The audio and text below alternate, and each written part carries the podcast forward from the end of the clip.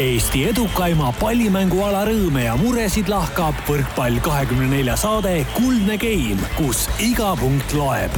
taustajõuna hoiab mängul hoogus ees Kredit kakskümmend neli tere ja kaunist neljapäeva ütlevad kõigile võrkpallisõpradele kaks pärnakat ja üks pealinlane, sest Manta Maja stuudios on sel korral istet võtnud Rivo Vesik, Asko Esna ja Karin Aldo nädal on taas kord linnulennul või siis võrkpallikeeli hüppelt servikiirusel möödunud ja meil on nüüd teada nii tänavuste Eesti karikavõistluste esimene finalist kui ka see, et lisaks Saaremaale mängib tänavu eurosarjas põhiturniiril ka Pärnu.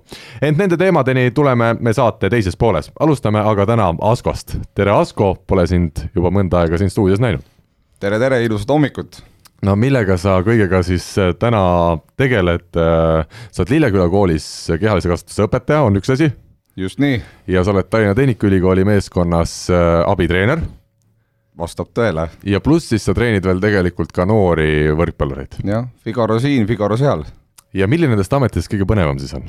kõik on omamoodi põnevad. tulevad kohe, sa võiks poliitikasse minna minu arust. no muidugi noh, mis siin pole, see on ainult väike kukesamm edasi teha kas äh, kõik, kogu ettevalmistus Tallinna Tehnikaülikooli meeskonnal käib täna selleks, et poolfinaalis Tartu Bigbank kahes mängus kolm-null, kolm-null äh, vastu maad lüüa? No hetkeseisuga küll jah, et äh, eks vaikselt valmistume ja toimetame, aga noh, ennem on vaja siin nädalavahetuse mängud siin lätlastega ära mängida, et et siis saab rohkem hakata nendele keskenduma ja toimetama, et praegu fookus on pigem lätlased. ja selles saates on meil täna fookus ikkagi Rivo Vesik. tere, Rivo, oled veel viimast nädalat, ma juba näost näen, et äh, näos on ka, kumab see välja, et see on viimane nädal, kui sa kodus oled ikkagi tere hommikust ka minu poolt, jah, võib-olla pigem kumab see näost välja, et ma olen teist nädalat Eestis niipidi? Võimalik, jah. et ütleme, siin on omad plussid ja miinused, Eestis on see novembrikuu ei ole kõige säravam, ütleme ilma poolest, samas kodus on ikkagi hoopis parem olla kui, kui kuskil mujal, ma eeldan, või? jaa, kodus on kindlasti parem olla kui kuskil mujal, aga, aga kodus kipub seda aega jääma nii väheks ja teha on hästi palju, et siis võistlustel või, või ütleme, laagris olles on seda puhkemomenti rohkem. ongi täitsa sedasi, jah? ikka, ikka jah, et äh, Asko teab väga hästi, kuidas laagrielu käib, hommikul trenni, lõunasöök, väike uinak, õhtul trenni ja, ja jälle sööma ja magama. kas treenerid ka magavad päeval, see on alati mind huvitanud. ikka magavad jah, osad magavad, osad ei maga, et äh, mina nii, nii nagu juhtub. meil seal üks tüüp magab pidevalt, kogu aeg magab, nii kui trennis ei ole, siis ta ainult magab ahah, selge, väga hea. no me oleme täna otsustanud sedasi, et me räägime Rivo lõppenud hooajast siis rannavõrkpallis, kuna tegu on meil uue eestlasest maailmameistriga, aga enne ma mainin ära, et meil on ka saate uus rekord sündinud, Rivo, kas sa tead, mis see rekord on?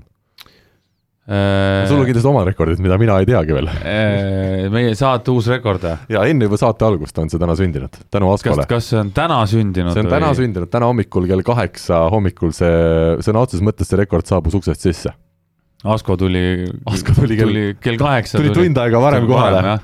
ja mina, kes ma alati valmistun saateks täpselt see viimane tund enne saadet, kella poole kaheksaks ma ütleme üldiselt siia jõuan, siis ma tunnistan, et see saate ettevalmistus kindlasti ei olnud äh, päris nii põhjalik, nagu ta olla võiks ühel äh, heal raadiosaatel. aga selle võrra on nüüd ta palju kobedam, see saate ülesehitus, et äh, kahekesti on mõeldud asjad või? Ühesõnaga, Asko segas sind, nagu ma aru sain. ütleme võrkpallist me rääkisime väga vähe, aga mul ei ole selle vastu mitte midagi. Äh, läheme, Rivo, natukene selle lõppenud aasta juurde. kas nüüd on see aeg, kui hakatakse ka Venemaa Rannavõrkpalliliidus või Võrkpalliliidus, kumb see õigem on nüüd öelda? võrkpalliliit ikka, kõik on ühe katuse all, jah. kas hakatakse neid kokkuvõtteid tegema ja tõmbama punase, punase pildikaga jooni sinna, kus oli puudujäägid ja? tead, kokkuvõtted tehti ära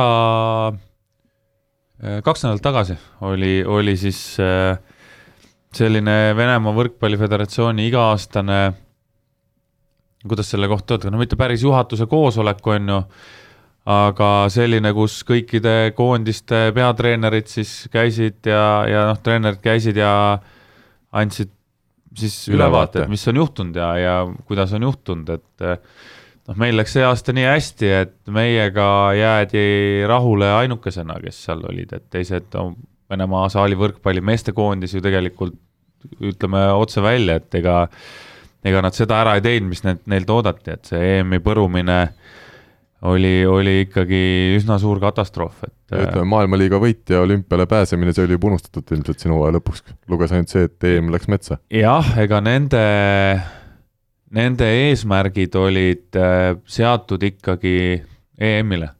selles suhtes see maailmaliiga, maailmaliigat täna võetakse kui äh, ütleme sihuke kolmandajärgulist tulemust, et see olümpiale pääs äh, EM-i tiitel oleks pidanud või noh, vähemalt medal sealt ja siis maailmaliiga, et olümpiale pääs muidugi venelastel oli üsna kindel. et see, kui, kui nad oleks sealt ka eemale jäänud, et siis, siis oleks ikka päris halvasti läinud, et sa ütlesid, teil äh, oli nii-öelda selline siis ülevaatlik äh, päev või, või koosolek, kas sina olid seal kohal ka või? Äh, mina olin äh, sellel ajal Mehhikos, mind ei olnud seal kohal, et meil Võib öelda, oli et turni- õnneks- õnneks olid Mehhikos, jah, ma olen seal ükskord käinud ja see, see üritus ei ole kõige kergemate killast, et äh, see aasta võib-olla oleks olnud lihtsam, aga, aga eelmine aasta, kui ma seal käisin, siis äh, noh, küsimusi on palju ja, ja kõikidele nendele küsimustele, kui võib-olla ongi sinu peas mingi vastus, siis need, nende jaoks ei pruugi see vastus olla õige, et kas Sammelpuu on, ütleme seal samamoodi lihtsurelik ja käib ka siis äh, aru andmas või on seal teised mehed, ongi nii, ikka, ikka jaa, kõik, ega seal ei ole mingit pääsu, et äh, et kõik peatreenerid ja treenerid, noh, põhimõtteliselt on kohal. et kuidas, kuidas nagu juhtubki, et meil oli nii, et äh, mina olin Mehhikos, siis äh, teine treener oli laagris parajasti Tenerifel ja meie eest siis see aasta tegi seda äh, Venemaa Võrkpalliföderatsiooni siis asepresident on ju, kes on rohkem nagu seotud äh, rannavõrkpalliga ka.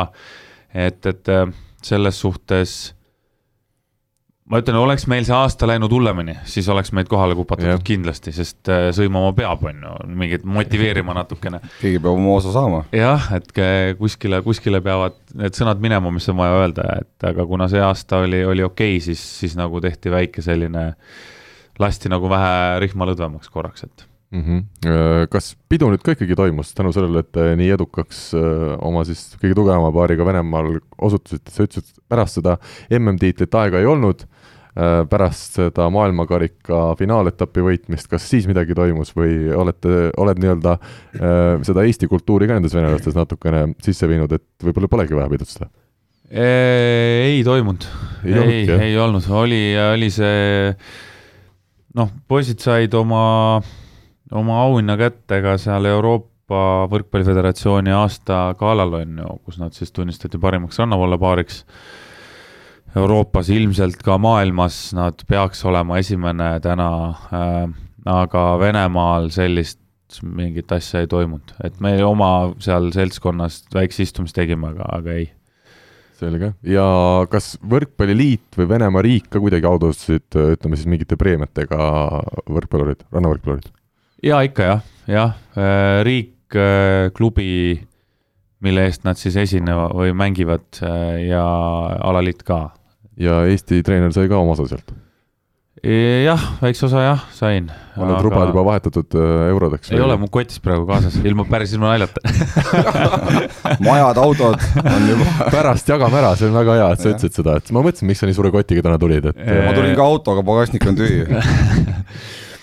et aga jah, selles suhtes, selles suhtes tegid mängijad hästi ilusa žesti, et nad teavad, et meie preemiad on nende preemiatest ikka kümme korda väiksemad ja siis nad panid ise natukene juurde, et et selline, selline asi ei ole igapäevane, ütleme nii, aga noh, järelikult saavad aru, et mis tööd meie teeme ja, ja austavad natuke ka, et see oli väga hea žest ütle päris ausalt, kas see meeletu ringi reisimine on ka neid hetki sul, kus sa mõtled, et milleks seda kõike vaja on? muidugi, igal juhul jah. Kui tihti neid ette tuleb? reisimist tuleb palju. tead, neid, neid hetki tuleb ette, kui enamus nendest hetkedest on kuskil, kui sul hakkab täis tiksuma mingi kolmekümnes reisitund kuhugile kohta, et siis tekib see mõte, et no milleks, kui on väsimus ja kõik on valus juba ja kui kuskil laagris või turniiril, siis ei ole aega mõelda selle peale, sest nii palju tegemist on lihtsalt. ma räägin, kui kolm võistkonda turniiril, siis on hommikul kuuest äh, väljakutele ja õhtul kaheksast tagasi, et ega seal suurt aega mingisuguste teiste asjade peale mõelda ei ole, et Mm -hmm. on see nauding, see, kui sul on hommikust õhtuni asju täis?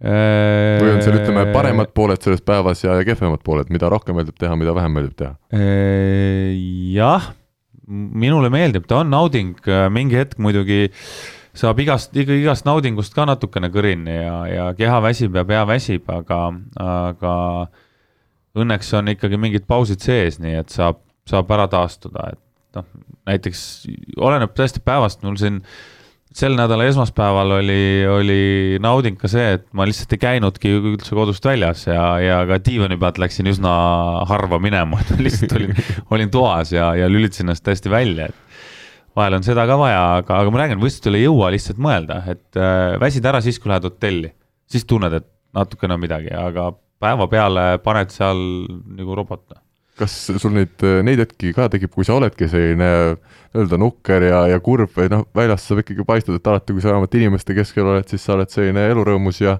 ja pigem tood positiivsust tuppa, kui, kui viid seda valgust minema? ikka, muidugi, eks ma olen ka inimene ja, ja klounid on ju ka kurvad tegelikult, et et minul samamoodi, ma räägin, vahepeal ma tahangi lihtsalt välja lülitada ennast, olla kodus omaette, ma ei tea, kuulata muusikat, vaadata telekat, Äh, ja olla nii, et keegi, et ma ei pea kellelegi naeratama, et noh, lihtsalt olen no..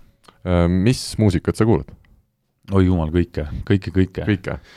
klassikast rockini? kõike, absoluutselt, Mait Maltisest Iron Maideni ja Slayerini välja, et äh, kõik, mis sinna vahele mahub. Tehnot ei kuula väga hea, mul on ka pigem ootan sind Dolores Pai või kuidas need Mait Martise sõnad on. millal juhtus see ma mõtlen päris, päris hea, Asko. sama tämber oli. see oli sama tämber, kui nüüd Mait Martis peaks kuulama seda saadet ja miks ta ei peaks kuulama, eks ole. kindlasti kuulab. siis, siis siin on dublant võtta, muidugi. kui keha on vaja teha, siis ma teen ära. vot, jaa, see, see. praegu meil siin näosaade ka, ma arvan, et järgmises osas ongi Rivo juba võiks küll, võiks küll, võiks küll. väga hea, Asko ja Rivo, te elasite mingi hetk äh, Kakumäel samas majas, ma saan aru? Oli. kas siis see muusika käiski nii, et kumb kõvema nii-öelda heli peale keeras, seda siis oli kuulda või te kuidagi kuulasite vaikselt mõlemad oma toas, nohistasite sedasi erinevaid muusikat? no ma sellepärast ära kolisingi mingil hetkel, et äh, ma ei kannatanud enam seda liiga Rivo... tihti oli Mait Maltis tundus olevat kõrvalkorteris ja, ja. kus, kusjuures kui Asko sealt ära kolis, siis äh, äh, siis kuna me noh, koos elasime, siis mõlemal väiksed lapsed on ju, Askol oli neid natuke rohkem kui meil, aga Äh, siis väga mingit trianglit ei toimunud, aga kui Asko ära kolis, siis sinna alla korrusele kolisid mingisugused nooremapoolsed, siis sai ikka käidud seal ukse taga õhtuti koputamas paar korda, paar korda lubati peksa anda.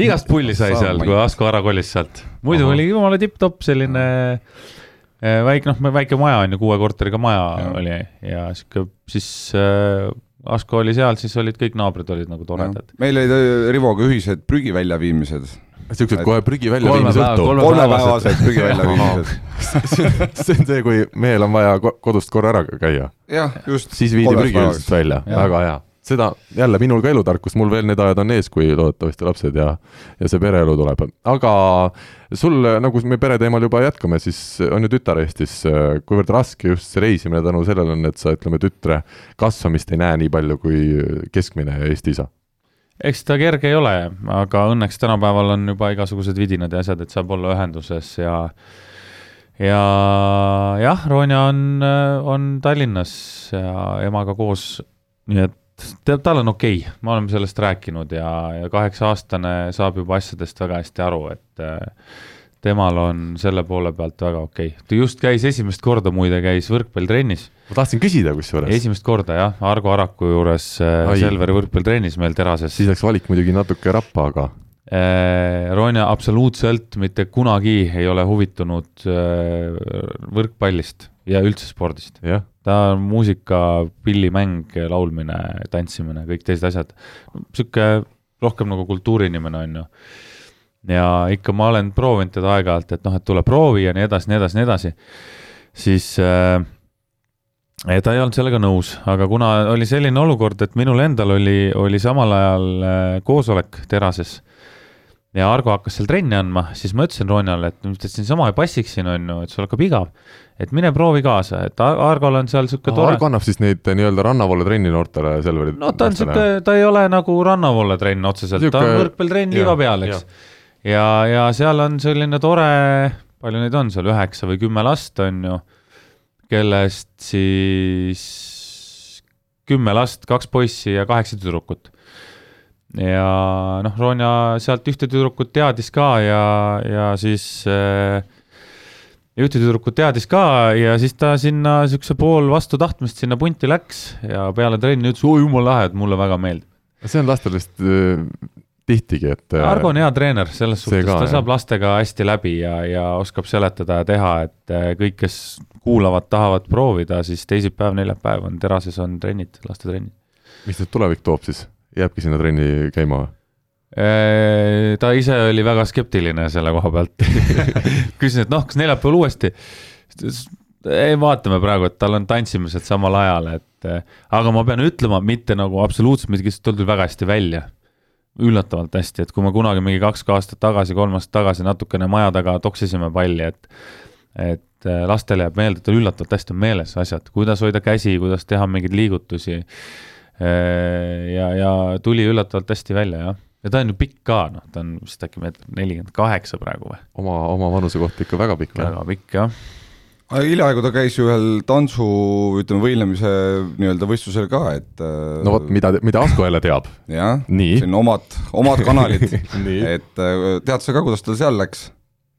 minu arust nad, kas nad said kuskile edasi, neil on nüüd nädalavahetusel, laupäeval on mm. ka mingi võimlemise asi kuskil. see oli jah, eel, eel, eelvoor, et äh, seal nad nii-öelda müdistasid, et ise ma küll seda pikalt vaatama ei saanud jääda, aga ma tean, et ta seal oli jaa, ma, kusjuures ma nägin sellest mingit videot. päris äh, tore on vaadata, kuidas äh, kalp, kalpsab üks, üks suur jurakas seal teiste väikeste laste vahel. spagaadi teeb ära juba, jah? ta ütles, et ta ei oska seda sa pead õpetama. mina ka ei oska spagaati teha, kuigi spagaadi tegemine noh, tehnilise poole pealt ei tohiks olla väga raske, aga kahjuks ei oska. Aga läheme edasi.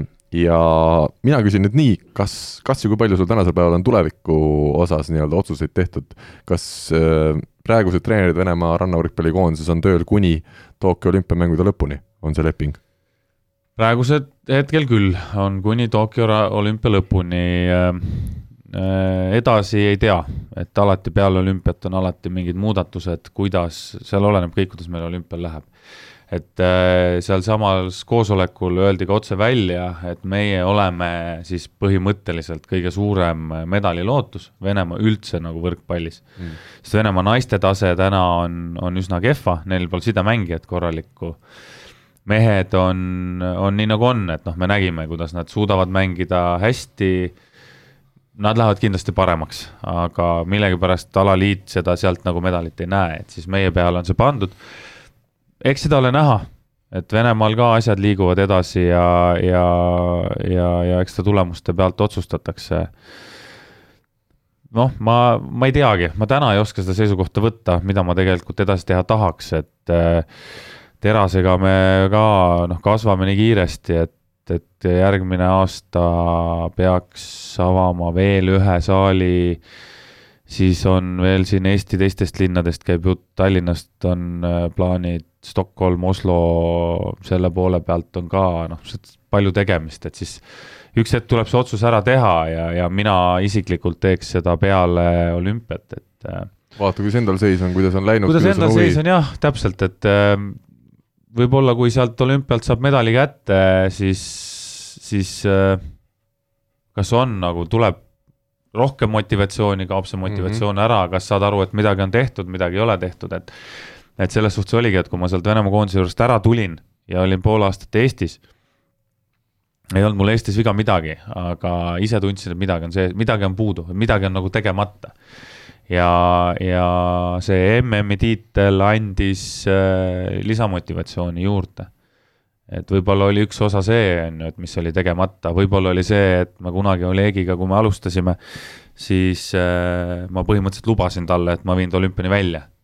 Ja võib-olla oli see, mis jäi nagu hinge, et niimoodi näpu peale panna ei oska, aga, aga midagi nagu oli sees, et noh, eks see peale olümpiat ole näha, et kas on sees või ei ole sees, et et see hooaeg, mis nüüd ees on, on kindlasti raske ja, ja ta, ma tean juba praegu, et ta pigistab tühjaks, et meil on kolm võistkonda kellest üks on olümpial peal ja kaks tükki võistlevad ühe koha eest, nad mõlemad saavad peale, vot selles suhtes nad saaksid peale punktidega. aga nüüd on see, et kes on eespool nendest. et, et see hooaeg läheb, läheb kõvaks andmiseks. kas ütleme jaa, aga kas? ütleme et niimoodi, ütleme see olümpiatsükkel, see on nagu kindel, on ju, kuni olümpiani või no ütleme olümpia kaasa arvatud muidugi, et äh, kui see- Vene, kui Venemaa sportlasi lastakse sinna Mhm. peale, sest praegu hakkas jälle pihta see iga-aastane enne olümpiat triangel, et aga sa ise nagu selles plaanis ei tunneta võib-olla sellist äh, teemat, ütleme nagu siin äh, kuum nimi meil siin Ott Tänak on, et nüüd sõidus sinna Hyundai'sse on ju, et äh, tahaksid ennast näiteks panna sa tahaks ka proovile Hyundai'sse minna või? jah, et äh, ma ei tea, sakslastega, ma ei tea, hispaanlaste, brasiillastega äkki või noh, leida nagu mingit teist teed, et näha, kuidas see organisatsioon seal töötab, töötada hoopis teises, teiste inimeste ja teiste asjadega, et äh, noh, see rikastaks iseenesest ka ju sinu niisugust äh, aktsiaportfooliot jah,, ütleme et. pilti ja kõik, et äh, kas sa nagu niisuguse asja peale ka mõelnud oled? Äh, ikka jah, see on kusjuures väga hea küsimus ja, ja mul ikka siin iga, enne iga hooaja algust on igasuguseid huvitavaid pakkumisi laual, et äh, oli ju ka see, enne selle hooaja algust oli Austria pakkumine täitsa laual, mis oli iseenesest äh, väga huvitav ja väga selline väljakutsuv variant. miks ma selle ära ütlesin, oli põhimõtteliselt oli kaks põhjust.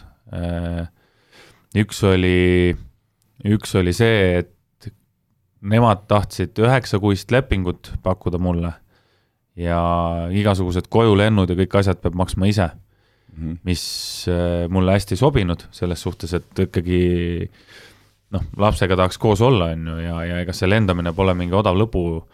venelased, neil ei olnud vahet, et need niikuinii üks, üks tüüp elab Vladivostokis, mis on Moskvast üheksa tundi lendu, et neil on, nad saavad selle aja sees mind kuus korda Tallinnasse lennutada, kui seda mehe koju viia, on ju. Ja, ja teine oli ikkagi see, et Austrias veel mängivad, et ma oleks hakanud seal tööle põhimõtteliselt kahe, kahe poole paariga, noored ja siis Doppler Horst on ju. Doppler Horst, noh, kellega mina olen pikalt koos mänginud ja ma ausalt ütlen, et ma ei tahtnud hakata nende treeneriks puhtalt sellepärast, et ma arvan, et täna minul ei ole neile midagi anda. noh, midagi kindlasti on, aga aga ma, ma ei taha nagu olla treener nendele inimestele, seal võib tekkida nagu väga kerge konflikt, kergesti konflikt. et kui mängijad väsivad, kui ei tule tulemusi, siis on see, et umbes, et noh, mis asja, et ma olen seda meest ju võitnud, et mida ta mulle siin õpetab, on ju. et võib tekkida see asi äh, ja, ja noh, puht sellepärast ma ei tahtnud lihtsalt seda vastu võtta. siis oli ka variant äh, Iisrael, Iraan olid variandid, kes pakkusid mõlemad pakkusid väga head lepingut, aga mõlemate leping oli umbes selline, et et mina peaks hakkama kogu võrkpalli, rannavõrkpalli siis põhimõtteliselt noorteklassist alates üles ehitama ja olema treener nii kahel noortepaaril, juunioritel, meestel, kõigil on, noh, see on ebareaalne töö, noh, selles ma ütlesin kohe, et ma üksi ei jõua lihtsalt, see, see ei ole võimalik mm.. et mul on vaja seda, seda, seda, seda, selle peale ütles, et noh, et sorry, et siis, siis ei sobi, on ju. et, et noh, mõnes mõttes tehti minu jaoks need valikud lihtsamaks, aga äh, muidugi, miks mitte, peale olümpiat, jumala eest, et äh, aga, aga seal peab olema midagi sellist, mis on nagu huvitav. Austria juures oligi see üks, see noortepaar on väga äge paar mm, -hmm. väga äge, sinna ma näen, ma olen neid näinud mängimas, me kaotasime kusjuures Mehhikos neile. ma neid näinud mängimas, ma näen, mis seal annab teha, ma näen, kuidas seal annab parandada asju. et see oleks äge, aga noh, seal olid juba teised siuksed nüansid, et aga sa sellise variandi peale ka mõelnud, et noh, me juba sellest rääkisime, et sul äh, ütleme, laps on siin ja paljud sõbrad ja ütleme, kodu on ju ikkagi sünnimaa ja asjad, et äh, oled sa niisuguse asja peale ka mõelnud, et äh, et näiteks ma koliksingi, ma ei tea, Austriasse näiteks, et ma oleksingi seal, ma teen oma selle üheksa kuud, noh antud juhul ütleme näiteks ära ja siis ma tulen nagu siia Eestisse tagasi, et sa eladki kogu selle perioodi nagu seal, et pigem see Eestis Eestis käimine on niisugune nagu lihtsalt äh, külaskäik, aga noh, ütleme seal oleks su nagu kodu, et ütleme, et koliksidki nagu teisse riiki nagu täitsa elama, et et selliseid ju sportlasi siin ütleme, jalgrattastes ütleme siin Taaramehed elavad ka ju kuskil middle of no nowhere on ju. Äh, kusjuures ei ole mõelnud selle peale üldse. ei olegi mõelnud, aga noh, see on jälle selline nii ja naa asi, on ju, et kui kui laps on siin koolis, tal on siin kõik nagu hästi, sõbrad-tuttavad on siin, teda võtta välja sellest keskkonnast, viia sinna, pärast mingi hetk tuleb ju tagasi tulla, teine asi on see, et mul on see üheksakuine leping, on ju, üheksakuune leping, ma ei tea, kas ma saan järgmine aasta lepingut. oleks mul nelja-aastane leping oleks teine asi kohe. oleks teine asi, olekski lihtsam otsustada, siis võib-olla olekski mugavam minna sinna, eks ju. ja siis vaadata, kui mul on üheksakuune leping, kui panen kogu oma asjadega kõigiga sinna, üheksa kuu pärast öeldakse, nägemist, kebid sealt tagasi, on ju, oma asjadega, sellist pendeldamist nagu ma ei kujutaks ette, et aga ma ei ole mõelnud selle peale mm. -hmm. kas Krasilnikov ja Stojanovski, sinu siis esipaar, kes on ka maailmameistriks nüüd tulnud, kas nende jaoks on järgmine aasta puha, puhas olümpia-aasta.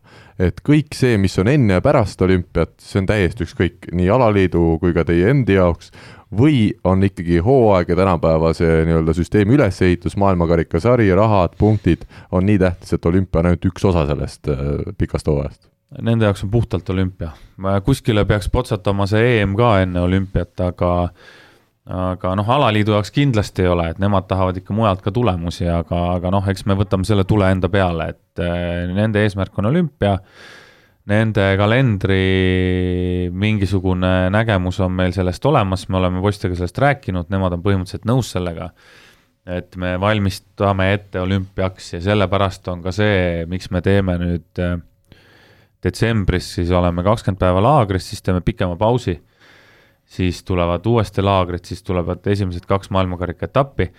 aga teemegi puhtalt sellepärast äh, pikemad pausid, et, äh, et nad lihtsalt nagu peas ära ei väsiks mm. -hmm. saavad kodus olla, saavad oma asju teha ja sest, sest nemad peavad olema valmis juuli lõpus palju sina, ütleme näiteks oma nende samade hoolealustega siis nagu konsulteerid, et näed, et mul oleks selline, selline mõte, et palju sa nagu nende niisugust nagu mõtet ka nagu kaasa võtad sinna, ütleme siis treeningplaani üldsegi, noh, ütleme terve aasta tsükliga näiteks, et näiteks ta ütleb, et äh, ma ei tea, mul on selle, sellel ajal, ma ei tea, see, see asi näiteks, on ju, et mingi sõbra pulm, et et palju sa nagu nende niisuguseid soove nagu kuulda võtad või on ainult niimoodi, et sina ütled nüüd, näed, nüüd on nii ja kõik? Ei, ei, ei, me ikka räägime läbi need asjad ja, ja noh, õnneks on jõudnud see asi ikkagi nende peas ka sinnamaani, et nad saavad aru, et et mingeid asju tuleb ohverdada, me üritame anda kõik, aga kui meil ongi plaanis, on ette nähtud, et on mingid asjad, on ju, mingid kindlad tsüklid, jõutsüklid, mingid asjad, siis nad saavad aru, et, et nende jaoks täna on tähtsam ikkagi olümpiatulemus, nende enda jaoks ka Nad ise tahavad seda saada. tähtsam kui elu, eraelu. tähtsam kui noh, mitte eraelu jah, selles suhtes, et kui Asko räägib, ütleme, Asko räägib siin äh, ütleme, ongi parima sõbra puhul, jah. See on nende jaoks teisejärguline täna. kui on lapse sünnipäev ja tahetakse minna üks päev varem laagrist ära või kaks päeva varem, loomulikult me laseme ta minema me teame, et nad on nii professionaalsed, et äh, noh, mul oli kunagi, oli selle Olegiga siis kui nad Artjomiga koos mängisid, Stojanovskiga, siis oli, oli ikka nagu tõsine konflikt ja noh, siis ta oli veel üheksateist ja oligi Jurmalas oli Euroopa meistrivõistluste etapp. Ja mina vaatasin juba järgmisse hooaega, et mis saab nagu järgmise hooaja alguses.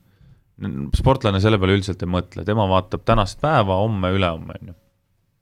ja, ja oligi, Olegil oligi äh, sõbrapulm ja ütles, et mina ei mängi seda Jurmala etappi, et mul on sõbrapulm.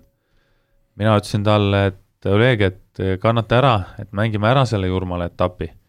Ja, ja et meil on järgmiseks aastaks punkte vaja, et me saaksime alustada nagu põhiturniirilt.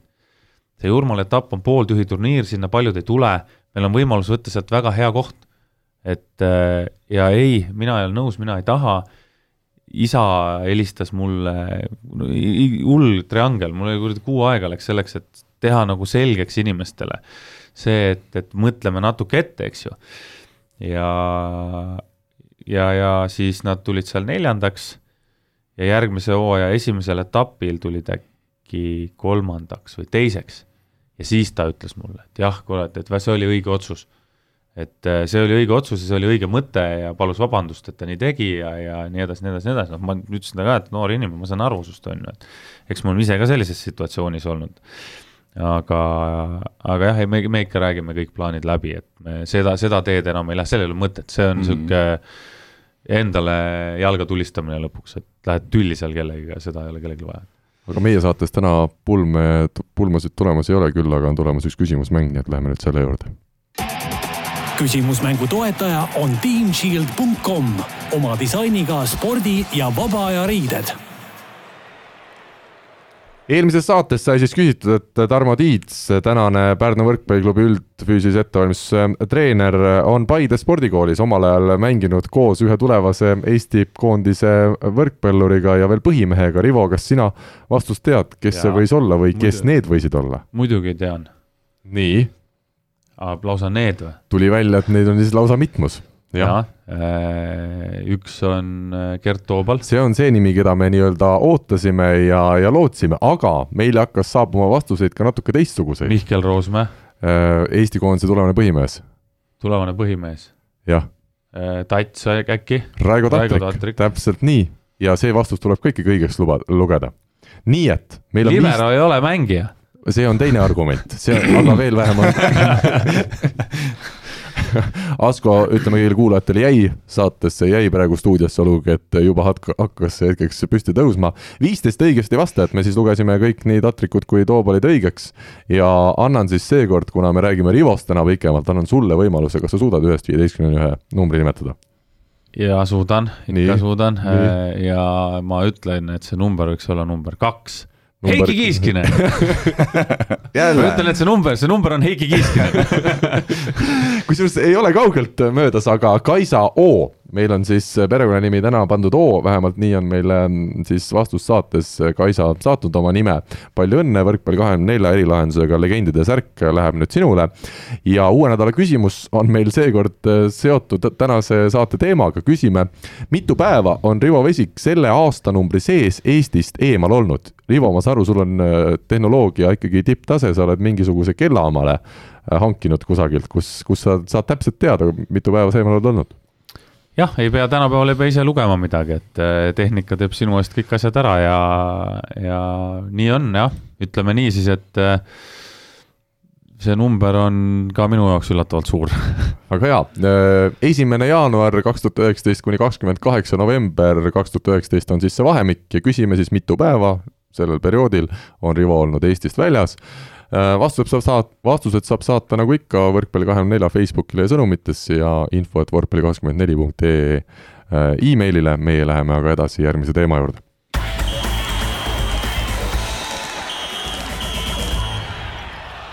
ja et oleks natukene huvitavam täna see saade, siis ma olen pannud siia äkk-küsimuste vooru teile mõlemale ladunud, see oli see põhjus, miks ma siin äh, lasin teil viis minutit enne saate algust omavahel olla ja rääkida kõigest maast ja ilmast. Rivo, alustame sinust nii. Coca-Cola või Pepsi? Äh, Pepsi. Pepsi või vesi? vesi. pitsa või kartulisalat? kartulisalat. tennis või golf? tennis. matemaatika või kirjandus?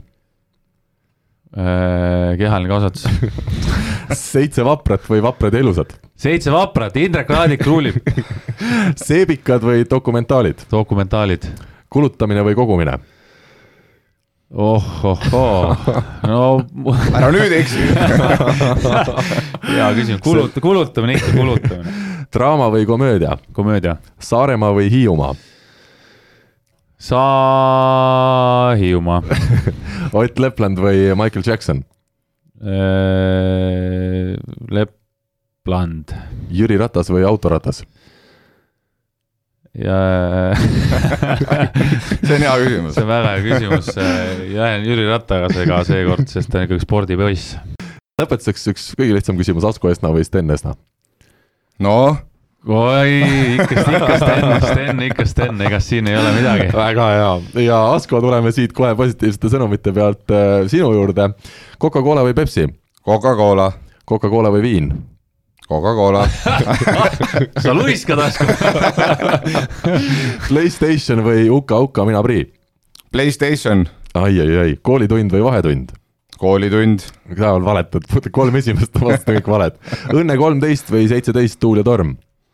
seitseteist, tuul ja torm. jalgpall või korvpall? pigem korvpall. Tartu või Tallinn? Tallinn. lasteaed või ülikool? mõlemad, Tallinna Tehnikaülikool või Eluülikool? Tehnikaülikool. Mart Helme või Kaja Kallas? Kaja. Martin Helme või Mart Helme? võtame Mardi. ja lõpetuseks Mart Helme või Helme Metall? Helme Metall toetab ikkagi võrkpalli väga hea, see voor on veel kenasti lõpetatud ja siit äh, ma küsin Rivole veel enne, kui me läheme nädala tegija rubriigi juurde. küsin, ole hea, lühidalt äh, räägi, kuidas sa selle rannavõrkpalli treeneri töö juurde jõudsid, sest äh, ütleme ausalt, kui me vaatame kümne aasta taha, kui sa veel Kristjan Kaisiga mängisid, siis ma arvan, enamik inimesi oleks arvanud, et noh, võib-olla ikka Kristjan Kaisist tuleb pigem selline maailmameister tulevikus rannavõrkpallis. mitte ma ei taha öelda, et sa ei oleks asja jaganud või nii edasi, aga nagu me oleme rääkinud, et sa oled selline meelelahutusmees olnud ka ja, ja võib-olla pealevaates, puhtalt pealevaates tundunuks, et Kristjan võinuks selle tiitli lõpuks ära võita sellega on nii, et ega ma ise ka kümme aastat tagasi ei oleks uskunud, et no just. ma midagi sellist tegema hakkan. kusjuures selles on hästi suur osa ongi tegelikult Kristjanil, et ma Kristjani pealt olen nagu vaadanud ja õppinud päris palju. ja, ja eks ma teiste treenerite pealt ka, et kui me ise trenni tegime, siis, siis ma sealt ka nagu midagi õppisin, aga lugu on nagu ikka, paljud lood elus on äh, puhtjuhuslikud, et äh, kunagi on sellest räägitud ka, läksin peale olümpiamänge kaks tuhat kaheksa Taisse puhkama pikemaks ajaks, tõmbasin juhtme välja, seal sain tuttavaks äh, Vene võrkpallifännidega, kes seal käisid palli toksimas. Äh, täiesti juhuslikult, sa läksid Taisse täiesti juhuslikku kohta ja. ja, ja noh, seal oli see lugu oli lihtne, et äh, üks tuttav tütarlaps, siis ma ütlesin talle, et kui sa kedagi näed, et siis ütle mulle, ma tahaks mängida. siis ta tuli, ta töötas seal sel hetkel, äh, tuli töölt parajasti ja siis ütles, et ah, mingid mehed mängisid seal rannas, on ju, et ma käisin nende käest küsimas, kas sa tohid minna ja siis algul öeldi, et ei tohi, on ju, ja siis üks, üks mees hakkas temaga rääkima küsis, kust sa pärit oled. sest Eestist on ju, et kus sul siis see sõber pärit on, kes mängida tahab, et ka Eestist. ja siis üks teine vene mees läks temast mööda, tegi nalja, ütles, ah, Rivo Vesik, siis ta ütles jah. siis need olid, oo, suu lahti, oo, las tuleb, las tuleb homme, et algul kohe öeldi ei ja siis äh, läksin mängima, tuli välja, et noh, siuksed võrkpallifanatid, heal tasemel harrastajad olid Moskvas käinud meie turniire vaatamas, teadsid nagu kõike, kõike, kõike, kõike. uskumatu ja aasta pärast siis üks mees ütles, et tal on poeg, kelle, kes siis täna on maailmameister, on ju, Oleg Stojanovski, et tal on poeg, et, et kas sa hooajavälisel ajal ei tahaks teda treenida. üks asi viis teiseni, esimest korda, kui ma seda Olegi nägin, siis oli kohe näha, et sealt nagu tuleb midagi, et. kui vana ta siis võis olla? täna ta on kakskümmend kolm. Äh, mis ta siis teeb? ta oli. see vaata, sa, enne küsisin, kas matemaatik või kirjandus, sa ütlesid kehaline kasvatus. ühe üks kümme aastat, noh, ta oli neliteist, viisteist äkki. ikka väga noor veel, jah? viisteist jah, vist. kohe, mul on siit üks küsimus. sa ütlesid, et Tais tunti sind ära. aga kuidas sul Eestis on, et äh, spordi ikkagi niisuguses ringkonnas oled sa ikkagi, ütleme ikkagi tuntud inimene, et äh, mitte ainult spordi, ära nüüd, ära ole kitsi, ta on ju Kroonikas iga teine nädal. iga teine, aga mitte iga. ikkagi selle mis ta meil, Cosmopolitani kuukombu, kuukombu aga mitte Pärnu suvepoiss seda jah, seda ja sinna, sinnamaani veel ei küündi. nagu mõni meie saatekülaline, aga Asko, kuulan. et äh, palju sind Eestis ära tuntakse? käid Selveris äh, maskiga või? kuule, aga see on, see on väga suur vahe on küsimuses, kas, kui palju sind ära tuntakse, sest eestlane väga tihti tunneb ära teise inimese, kui on tuttav, aga, aga ta ei tee välja, et ta nagu tunneks, ta lihtsalt vaatab seda siis ilma ja. alt nurgast. vaatatakse ka, mis sa korvi paned või? Äh, tead, sellega on selline lugu, et äh, ma ei tea, selles suhtes eest, eestlane ongi, nagu Karl ütles, et eestlane tihti läheb ka sõbrast niimoodi mööda, et ta läheb natuke paar sammu eemale, et jumala eest keegi ei näeks teda, on ju. aga huvitaval kombel eestlastel kuidagi, kui äh, väike selline mingi viinus ka sees on, et siis tuleb see moment, et sa oled ju see Kais Vesik, ma tean küll sind, ammu juba, ma tean kõike, mis sa teed ja kus sa oled. ikkagi Kais Vesik koos öeldakse tänase päevani või? ikka jah, ikka jah, et äh, kuidagi on jäänud äh, inimestele mulje, et äh, Kristjani nimi on äh, Kais üks Vesik osa. ja minu nimi on Vesik Kais või midagi taolist. et see on üks inimene nagu äh, aga jah, et äh, üldiselt on kuskil niisugustes lõbustusasutustes on need, kus inimesed tulevad juurde ja hakkavad mm. rääkima, noh, mul ei ole selle vastu midagi, et aga on poes ka ette tunda? ikka jah, ikka on, ikka on äh, tullakse ja küsitakse ja peale seda MM-i tiitlit ikka soovite õnne ka, et täitsa juhuslikud inimesed, keda sa ei tundnud, jah? täiesti jah, sellised, keda ma ei väga tundnud. vahva. see näitab, et meie saadet ikka kuulatakse, ma arvan, see on ainus järeldus, mis siit teha saab. kõvasti. kõvasti. aga eestlane ei ole selline, kes äh, tuleb Venemaal? sikutama, no Venemaal ei tea mind Venemaa on liiga suur. aga siit mul tuleb üks niisugune väike küsimus, et äh, kuna sa ikkagi ütleme, suhteliselt palju ikkagi lendad ringi, stjuardessid on juba tuttavad või? Stjuardessid ei ole, aga lennujaama, Tallinna lennujaama igasugused turvatöötajad ja tollitöötajad ja need ikka küsivad, no kuidas lapsel läheb, kuidas siis noh, kuidas läks võistlustel ja. kutsuvad sünnipäevale ja minu arust on võib-olla jube, küll varsti jah. mina küll nende asemel suhtuks nagu kuidagi kahtlasemalt sellesse, et kui mees väga tihti lendab, et mida ta veab siis ikkagi. eks, eks paar, paar korda on ikka läbi otsitud kah. selge, aga tuleme tagasi selle teema juurde, millal me pooleli jäime, Stojanovski, ütleme, oli noor ja sa hakkasid teda siis mängija karjääri kõrvalt veel mingil hetkel nii-öelda lisana lihtsalt treenima natuke. jah, ja sealt see kõik alguse sai. jah, ja siin ta on siiamaani, seesama töö põhimõtteliselt jätkub, ainult suuremas ja, ja olulisemas rollis. jah, täpselt nii ongi, et äh, mingi hetk tuli see üleminek, kus, sest me tegime mingi hetk, tegime Venemaa siis koondise kõrvalt äh, kõike seda asja ja ja ma hirmsalt võitlesin äh, see, kes siis praegu meil see teine treener seal on, Vjatšeslav Nirka, et tema tahtis neid ammu juba koondise juurde võtta, kui nad olid seitseteist, seitsmeteistaastased on ju, et äh, ma hirmsalt võitlesin vastu ja me me, meil olid omavahel selle Vjatšeslav Nirkaga olid ikkagi sellised noh, meil ei olnud kõige parem läbisaamine sellel hetkel, et tema nägi neis potentsiaali. Tema nägi neis seda, et ta saab teha nendega mingeid tulemusi, mida tal on vaja, on ju. mina absoluutselt ei mõelnud selle peale, minu mõte oli see, et hoida neist sellest nagu pundist eemal et kui, kui mina olin nendega koos, siis nemad olid number üks võistkond minu jaoks, mina tegelesin ainult nendega oleks nad läinud sinna koondisse varem, nad oleks olnud koondises äh, sihuke neljas-viies võistkond, kellele siis vastavalt sellele jagub ka treeneritel aega, on ju. ja, ja siis oligi noh, täna see, kui ma siin paar aastat tagasi, kui ma koondisse läksin, siis äh, Nirka sai väga hästi aru, ta ütles, et ta ennem ei saanud, temal olid ennem hoopis teised mõtted, aga täna ta saab sellest asjast aru ja ta näeb, et mis areng on toimunud. ja, ja noh siis me rääkisimegi, ma ütlesin, et minu mõte ei olnud absoluutselt see, et teha endast paremat treenerit, kui oled sina või seda, et Venemaa koondisel läheks kehvasti, minu mõte oli see, et hoida neid eemal, et nendele saaks keskenduda, sest näha on, et sealt tuleb midagi. keskenduda väikestele detailidele, mil, mil, tänu millele nad täna on seal, kus nad on. ja kas see koondisse võtmine, kuidas see siis käis? eks no sihuke pool selline NBA treidi moodi asi oli, et, et äh, Stojanovski ja Ržutkin koondisse ja Vesik kaasa. sihuke, see nii, nii ta läks, et äh, aga noh, see ennem oli ka, et eks see peatreener siis äh, Nirka ei olnud ta ei olnud kunagi, tal ei olnud kunagi olnud nagu teist treenerit kõrval. ta oli kogu aeg üksinda teinud ja, ja natukene selline noh, Venemaal ikka kõik kahtlustavad ja kõik kardavad, et nii kui keegi tuleb, et tahetakse tema asjad ära võtta. Esimene päev, kui me, kui ma läksin koondise juurde, siis me istusime maha, tema rääkis mulle pikalt sellest, kuidas ikkagi on, nii on, peavad asjad olema nagu yeah. tema teeb, on ju.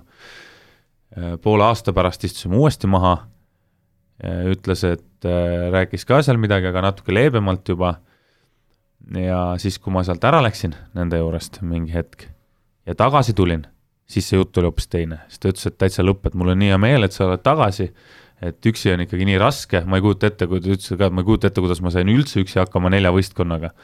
et täna ikkagi see, kui on kahe inimese nägemus, see ei pea olema alati üks, et kui sa saab noppida need paremad asjad välja et siis on, siis sa ikkagi kasvad kiiremini, sul on rohkem aega mõelda, sul on rohkem aega tegeleda, üks näeb ühte detaili, teine näeb teist detaili. ja, ja noh, täna on see koostöö ideaalilähedane, et äh, selge. tore kuulda.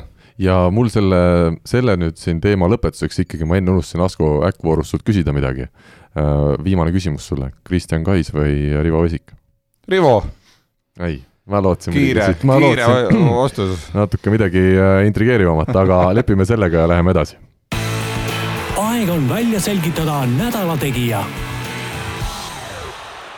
nädala tegija rubriigis äh, sai siis taas Facebookis võrkpalligrupi nimelises grupis äh, hääletada ja kolmas koht, Keit Pupart, kakskümmend viis häält, hästi mängis siin Saaremaa eest. Eelmisel nädalal ja mängis ka eile kordusmängus siis karikavõistluste Tallinna Selveri vastu, et mees on tõesti näha, et, et on mänginud aastaid välismaal ja just eriti hiilgav on minu arust vaata seda Keidi vastuvõtu poolt, kui hästi ta, kui, kui lihtne ja kuidagi ta ei torma, ei kaitses ega vastuvõtul, vaid lihtsalt on need pallid on käes ja Asko, sul olid ka, ma kuulsin omal ajal ikkagi olid nagu ka kaitse, kaitsele orienteeritud äh, mängija seal liberona, et sa ega No sa eks- väga tihti ei rünnanud.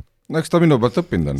ja nii ta kindlasti on, nii ta ei, kindlasti Heidiga on. on jah palju koos mängitud juba ja mäletan teda juba noorteklassides siin sai omavahel palju madistatud, et äh, ja siiamaani siin kas just nüüd ei tihedalt, aga ikkagi siin paar korda aastas ikka Heidiga siin ikka räägitud ja külas käidud ja et me oleme nagu siiamaani niisugused head äh, sõbrad üksteisega ja, ja kindlasti ootan juba niisugust järgmist äh, mängu siin ütleme, Saaremaa ja TalTechi vahel, et siis oleks tore jälle Keiti näha ja juttu rääkida. Te olete ju naabrimehed Saaremaalt praktiliselt põhimõtteliselt, on ju? Keidil vanemad elavad jah, kohe ütleme üle siis tee, et äh, et kui seal Saaremaal siin elada sai, siis äh, noh, kas just kogu aeg, aga ikkagi siin Keidi isa ja emaga ikka sai Keidist nagu räägitud, et kuidas läheb ja mis, et äh, noh, nemad kindlasti on Keidiga rohkem ühenduses, et kummal nüüd see karjääril jooksul see vastuvõtuprotsent parem on, kas sinu karjäär, mis on juba tänaseks lõppenud, oli parem või on Keidil tänasel päeval see vastuvõtuprotsent läbi karjääri see on parem? juba nii loll küsimus loomulikult minule, et äh, ma ka ei vastaks, ma, ma, ma ei vastaks üldse sellistele küsimusele, võhikud, võhikute küsimused, mõttetu aja raiskamine. aga Rivo, kas sinul see vastuvõtuprotsent jäigi nulli peale? nii palju, kui sa seal tempona sa- ei olnud jah? mitte, kindlasti mitte. nii palju see võis olla? Ma ei, palju ei ütleks, vähe see võis olla ma arvan, et eh, no mingi, paneme fifty-fifty noh, võimalik, et Jah. nii palju on. poliitiline, poliitiline, ma räägin võimalik- üks samm ainult ei, ma ütlen võimalik vaid Venemaal on selline kõigepealt, kunagi isegi äh, Selveris ju prooviti isegi sellist varianti, et ma olin nii, nii esimese temporündaja kui ka vastuvõtja. et kui ma olin esimeses liinis, siis ma mingi positsioon võtsin vastu kah ja tormasin siis sealt ründama. Mhm, ma arvan, et seal polnud pärast tormab?, seal polnud vaja pärast seda vastuvõttu torma, tormata ründama, sest see pall oli kuskile kaugele lennanud ja Asko läks seda päästma kuskile võisid, võisid tagasi minna vastuvõtu asendisse kohe sinna sama koha peale. aga nädala tegija rubriigis siis teine koht, Markus Uuskari, mees, kes väga hästi Daniel Massielli siin kahes mängus Saaremaa võistkonna diagonaalründajana asendas, viiskümmend seitse häält ja ütleme, Uuskari kuulub nende mängijate hulka, kellel kindlasti lihtne see hooaeg ei ole, kui sa oled eelneva hooaja Rakveres ikkagi olnud suure osa ajast põhimees ja saanud kõvasti koormust, siis olla seal nurgas, me kõik teame ükskõik milliselt tasemelt, et, et see nurgas seismine ei ole kõige meeldivam tegevus, aga Uuskari näitas, et kui võimalusi sai, siis kasutas selle ka kohe kenasti ära. Äh, jaa, aga ma arvan, et see eelmine hooaeg tuli talle väga palju kasuks, et see, et ta siin eel, enne seda paar hooaega istus Tartus pingi peal, et pigem oli see hullem, et sai oma mängutunnetuse kätte ja tõesti tegi väga hea, väga hea mängu Tartu vastu, üllat-, numbrid olid ikka täiesti suurepärased, et polegi midagi öelda, hästi tuli, noh, nurgamehed ka ju, vana hea ütlus, tantsi, mis sa tantsid, on ju, õige mees tuleb ikka nurgast, et et selle ta näitas ilusasti ära, et, et nii on. no ma ütleme, et Saaremaa võistkonna tegelikult see tase on ikkagi nii võrdne ja, ja noh, ühtlane, et et sealt pingi pealt võib igasuguseid mehi tulla, kes võivad teha häid mänge. Asko, kuidas sulle tundub, Uuskari, ta on muidugi Hiiumaa mees, sina oled siin viimastel aastatel Saaremaaga palju seotud, et ega sa vist väga seda nime üldse suhu võtta ei taha? ei, ei selle, selles küll küsimus ei ole, et jah, selles suhtes, et äh, kindlasti on ta mängumees ja eks ta on saanud ju siin erinevate treenerite käel erinevates võistkondades ikkagi ju oma osa ka kätte ja ja eelmine aasta, nagu Rivo just ütles, et palju sai mängida, et äh, alles hiljaaegu ka, siin ühte Saaremaa spordiportaali lugedes, siis ta seal ütles ka, et tema võetigi sinna ju pigem teise diagonaalina ja tema ülesanne ongi teatud hetkel andagi nii-öelda Marcellile siis seda nii-öelda puhkust ja ta peab oma osa nagu sealt äh, siis nii-öelda kätte saama ja ole ise mees ja kasuta see ainult ära. ja noh, praegu ta on ikkagi seda ilmselgelt nagu õigustanud ja, ja kindlasti Talile on nüüd see ikkagi niisugune tagataskus niisugune väikene trump, et äh, kui nüüd äh, peaks olema Marcellil niisugune kehvemapoolsem päev, et siis tuleb tema ja teeb, teeb, teeb selle töö ära, noh. ja nii palju Rivot veel parandan, et see hea mäng, mille ta tegi Uuskari, oli ikkagi see Tallinna Selveri vastu esimene poolfinaal, seal ta tõi äh, seitseteist punkti pluss kolmteist, Tartu vastu ta oli nii jana kolmteist punkti pluss neli, et pigem oli see Selveri vastu parem.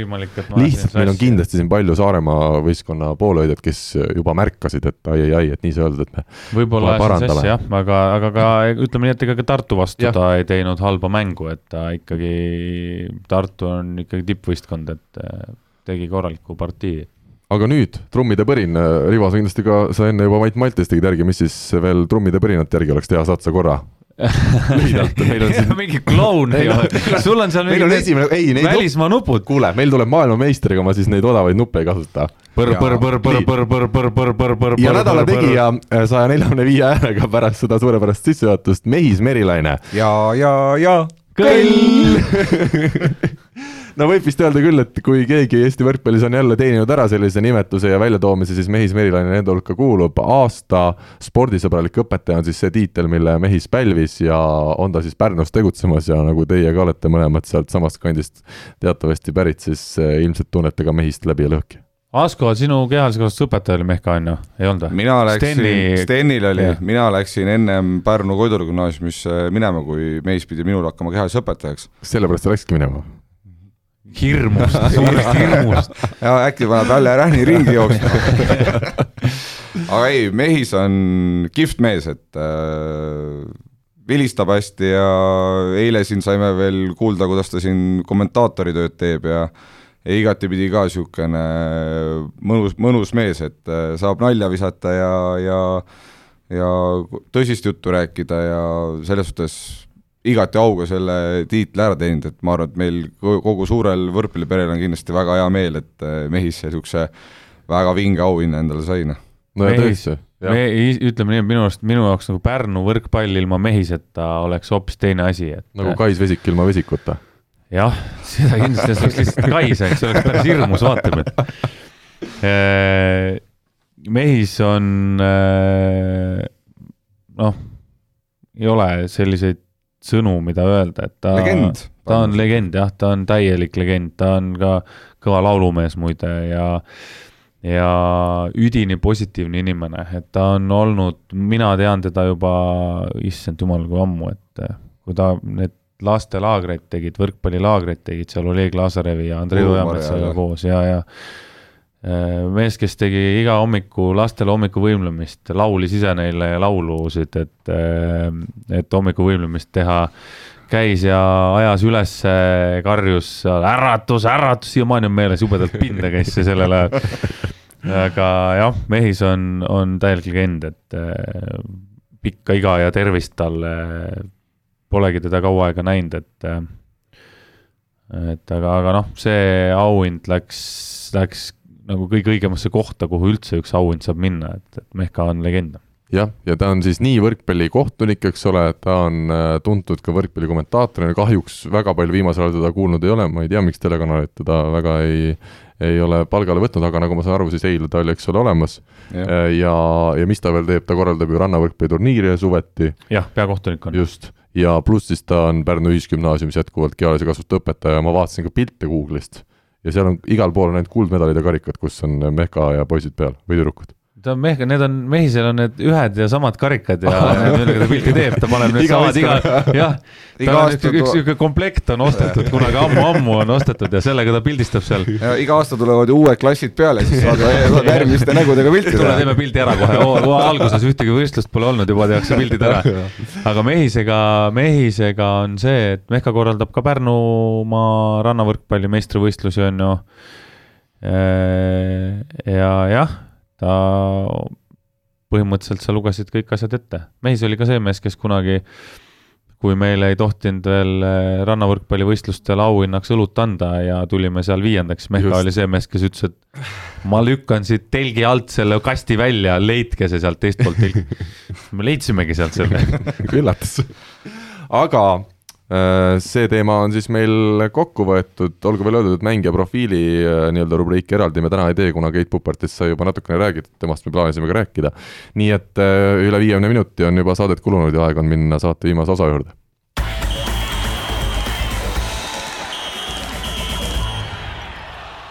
nii palju ma ikkagi tulen Keit Puparti juurde tagasi, et eelmisel nädalal, kui siin sai Tarmo Tiitsu äh, nii-öelda podcast'i üle kuulatud ja, ja mõeldud nende teemade peale, mis ta rääkis, siis panin kokku, et meil on täna nurgaründajaid viisteist, kes järgmisel aastal ilmselt tahaksid koondises mängida, noh tahaks kindlasti paljud, ma tahaks ka mängida, aga ma ütlen, viisteist, kellel on ka ütleme, mingisugune võimalus sinna pääseda. ja ma loen need nimed korra ette, et äh, anda nii-öelda äh, luua, luua pilt ette ka kuulajatele, kui palju meil selliseid mehi täna on, kes võiksid rahvusvahelisel tasemel hästi mängida. Robert Täht, Mart Juhkami, Kristo Kollo, Andrus Raadik, Keit Pupart, Kevin Saar, Dmitri Korotkov, Rauno Tamme, Märt Tammearu, Albert Hurt, Stefan Kaibalt äh,, Taavet Lepik, Valentin Kordas, Karli Allik ja Oliver Orav.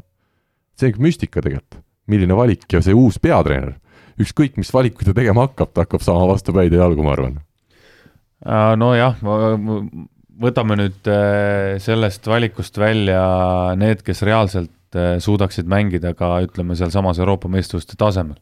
see on teine asi, jah. siis see valik läheb kordades väiksemaks ja kui me võtame sealt välja ka vanusega mehed, siis see valik läheb veel väiksemaks. aga kas võetakse maha, ega me seda ei tea, võib-olla uus treener vaatab, et meil on kogenud mehi vaja ja on kõik pupartid ja, ja asjad sees. no kui mina oleks uus treener aga sa ei kandideerinud või? ma ei kandideerinud ja mind ka ei kutsutud, keegi ei kutsunud mind kandideerima.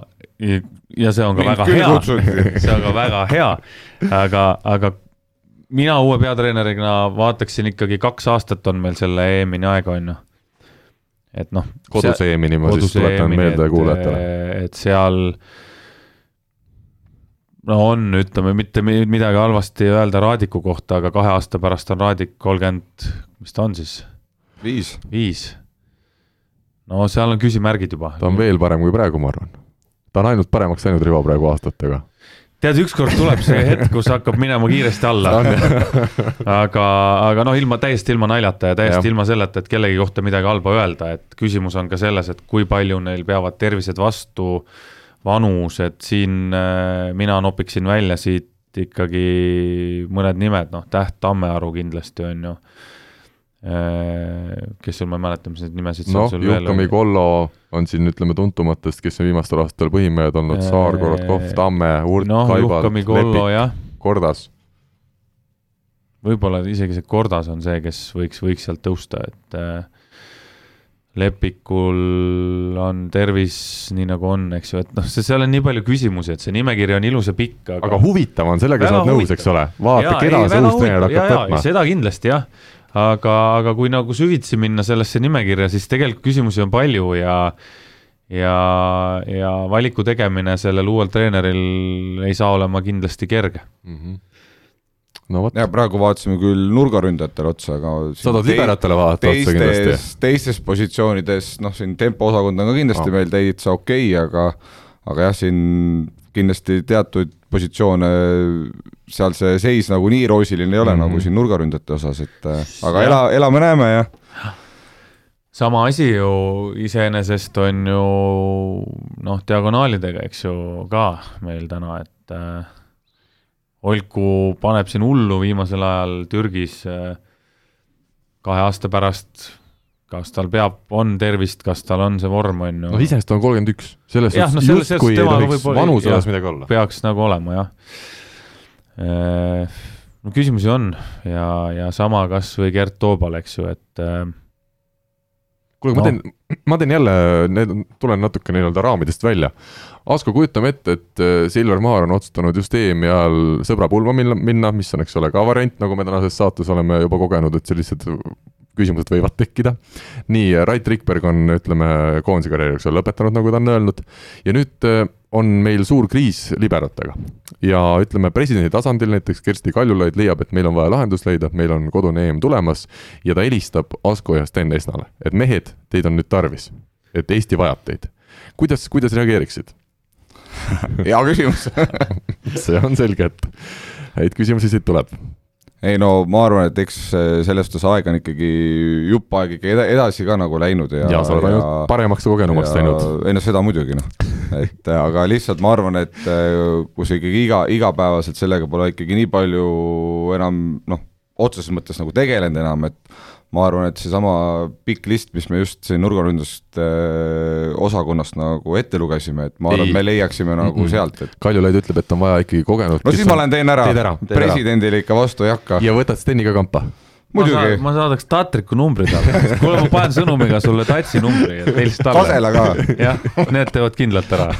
väga hea, siis saame vähemalt ühe veteranivõistkonna kokku panna lõpuks aga järgmine teema, Robert Täht siis eile õhtul ehk siis kolmapäeval, kui, ähm, kui Itaalia kõrgliigas mängis Perugia seal tabeli viimase meeskonnaga, lõpuks ometi pääses ametlikus mängus algkoosseisu, Rivo võib-olla ei teagi veel, ta on teinud vara ärganud, ei, ei ole kursiski veel kõigega äkki ei tea jah, kusjuures ma kuskilt mingi pilt jooksis läbi, aga, aga ei olnud aega seda vaadata. no see jah, ma alles enne saadet selle tegin. Ja, äh, ja mujalt vist teda ei olnud veel tulnud Kuidas läbi. kuus punkti pluss-miinus null, vastuvõtt oli nelikümmend protsenti, rünnakud kolmeteistkümnest viis, äh, üks RVS, kolm viga peast tulistades. No aga algus on tehtud selles suhtes, äh, sai oma tunde kätte ja vaikselt sealt hakkab minema, et Robert Tähe kohta, noh, temale sooviks ainult kannatust ja, ja ootamist, et see oli teada, et ta seal, tal kerge ei saa olema. me juba kunagi, kui ta selle otsuse siin tegi, mäletad, rääkisime mm -hmm. ka mhm. sellest, et kerge tal seal ei saa olema ja ta peabki ootama oma hetke, tegema tööd ja siis tegema selle ära. aga küsimus, mis või ütleme, üks asi, mida tuleb kindlasti ära mainida, on see, et äh, eilses mängus siis Wilfredo Leon ja Filippo Ansa, mees, kes, mehed, kes on siis nurgas seni olnud põhimehed, Peruusial said puhkust, aga ikkagi taaskord see konkurents, vaatasin seda kokkuvõtet neljaminutilist, mis kuskil Youtube'ist oli leitav, ja Oleg Plotnitski, kes siis oli teine nurgamees eile Robbie kõrval, et väga võimsalt, väga võimsalt ja kõrgelt ründas ja vasaku käega, vasakukäelise mehega peaks ju veel tegu ka olema, et et noh, see konkurents on meeletu, et sa võid isegi hästi mängida ja ikka, noh, seal näiteks Plotnitski, eks ole, eile tõi viisteist punkti ja ja, ja väga hästi rünnakuid realiseeris. maailma absoluutne tipp, igas maailma tippvõistkonnas, ükskõik mis spordiala sa võtad, on konkurents kõva, sinna ei võetagi halbasid mängijaid -hmm. see peabki olema nii, sest muidu nad ei oleks maailma tipp, on ju Plotnitski on Ukrainas Tšernobõli poiss, ma arvan, kuskilt sealtkandist väheke kiiritust saanud ja selle pealt ta kütab, et aga noh, nagu ma ütlesin, maailma absoluutne tase, sul äh, Manchester Unitedisse ei võeta ka mingisuguseid suvalisi mehi, on ju, mängima sinna, et. nii ta on. Äh, läheme edasi, Pärnu võrkpalliklubi alistas siis kahe mängu kokkuvõttes väga kindlalt, äh, Linköping on vist see õige hääldus, Rootsi meistri, kes tõsi, tänavusel hooajal enam nii hästi ei ole mänginud nagu mullu. eilne mäng siis korduskohtumine, võideti kaks esimest geimi kindlalt ära, siis mõned mehed eesotsas Taavet Lepikuga võeti puhkama ja, ja anti teistele võimalus, lõpuks see mäng ka võideti kolm-kaks, aga, aga ütleme, mängupilt, nagu Aavo Keel ka ise ütles, midagi erilist eh, nüüd küll ei olnud ka Pärnu poolt vaadates, et Pärnu ikkagi jätkuvalt võitleb nii vigastustega kui ka oma mängupildi leidmisega ja, ja kuidagi läheb veel aega no mina eile ka natuke seda mängu nägin, et äh, vaatasin, et mis nad seal siis äh, teevad ja eks ikka hoiad, hoian nagu silma peal, et äh, mis siin nagu toimub ja ütleme, õige Eesti fännina ikka ju eurosarjas vahet pole, kes siin mängib, et olgu ta siis Saaremaa või Pärnu sellel aastal, et ikka hoiad nagu neile pöialt. Et aga ütleme jah, et ega see mängupilt nüüd kõige roosilisem seal ei ole ja, ja nende vigastustega see Pärnu on see aasta kõvasti madistanud ja Aavo ütles ka, et siin ei mäletagi, et mis äh, võib, tähendab, ei olegi olnud sellist hooaega, kus niimoodi on nagu igast asju olnud, et et aga jah, kui see kaks geimi sealt ära läksid, et said teised seal võimaluse, et äh, jah, et võib-olla noorte puhul, kes sealt nii-öelda oma osa ja võimaluse said, et võib-olla oleks tahtnud niisugust tapja instinkti nagu vähe rohkem nagu juurde, et äh, iseenesest midagi enam kaalul ei olnud, et mine ja pane, et äh, võib-olla seal lõid mingid lained pea peal vähe rohkem kokku ja telemäng ja äkki pruut näeb ja mida iganes, et äh, see on õudne, kui pruut näeb. see on ikka väga õudne. aga või võib-olla ka see, seesama asi, noh, nagu sa Asko ütlesid, et võib-olla oligi see natukene hinges, et nüüd on tehtud, et ega siin tähtis ei ole, et kas võidad või kaotad, aga, aga õige, ma vaatasingi seda mängu natukene eile ja ja jumala õige tähelepanek, Asko, et äh, noh, nat-, natuke palju nagu oli sellist väristamist noorte poolt, on ju, et oleks võinud min-, nagu sa ütlesidki, et minna ja panna, noh, et konkreetselt võimalus on, siis proovi, noh, kas sul seda, seal nendel noortel see aasta võib-olla rohkem seda võimalust ei tulegi nagu mängida niimoodi, et no mina ootan, mis saab Plataksist, sest mulle tundub, et Puul diagonaalis ei ole, noh nurgast rääkimata, ei ole päris niisugune mees, kes siin Eesti meistritiitli näiteks ära toob. ja nüüd, et Šizoba Nevesato eelmise aasta nii-öelda täht, kes nii-öelda Eesti meistriks lõpuks vedas, et, et selline rünnakuliit, et sellist on ikkagi vaja sinna Taavet Lepiku kõrvale. Ja praegu väga palju küsimärke, et kas see Plataks võib kerkida sellisele tasemele, me ei tea, aga aga muidugi keeruline on näha, samas võib öelda, et ega Šizoba puhul ka eelmise hooaja alguses veel keegi ei näinud, et ta, et ta võiks kevadel nii hästi mängida eks seda näha ole kevadel, Aavo midagi ta temas näeb ja, ja poiss on veel noor, et ta iga kuuga areneb edasi. Puuli puhul küll jah, Puul on ka minu jaoks pettumus, et ma ikkagi ootasin, ootasin ise ka temast rohkem, et äh, jutu järgi, kui mina temaga suhtlesin, siis ta oli ikkagi ikka nii kõva mees, et ta ei tahtnud üldse Eestisse tullagi algul, et Eesti liiga on tema jaoks nõrk, et ta tahaks ikka kuskile mujale, aga noh, nagu me täna näeme, siis tegelikult äh, tegelikult on tal siin kõvasti tööd, mille nii vastuvõtu kui ka rünnakuga teha, et. noored mängivad üle. jah lastekoorid laulavad sodiks aga Saaremaa võrkpalliklubi siis tõesti esimese äh,, esimesena pääses tänavu Eesti karikafinaali, eile õhtul korduskohtumises sai Tallinna Selverist kolm-null jagu, esimene game oli põnev, seal oli Selver veel kolme punktiga peal, andis seal edu käest. jälle Matei Schmidl, äh, mees, kes väga hästi kogu selle esimese game'i mängis Selveri poolel, üheksa punkti pluss viis tõi, aga otsustavatel hetkedel eksis just tema mitu korda järjest, lõi palli out'i, lõi võrku, lõi plokki ja Saaremaa sai selle game'i kätte ja sellega kogu see momentum läks ja, ja Saaremaa siis edasi pääses. ja Saaremaa, olgem ausad, isegi kui nad oleksid esimese game'i kaotanud, ilmselt nad on liiga head ikkagi täna Selveri jaoks vähemalt. Noh, tundus küll eile nii, aga, aga mina isegi, mina isegi noh, nii väga seda Schmidelit ei, ei süüdistaks selles. jah, ta eksis lõpus, aga minu arvamus on see, et treener eksis. treener nii. võttis valel ajal time-out'i. mis hetkel ta võttis?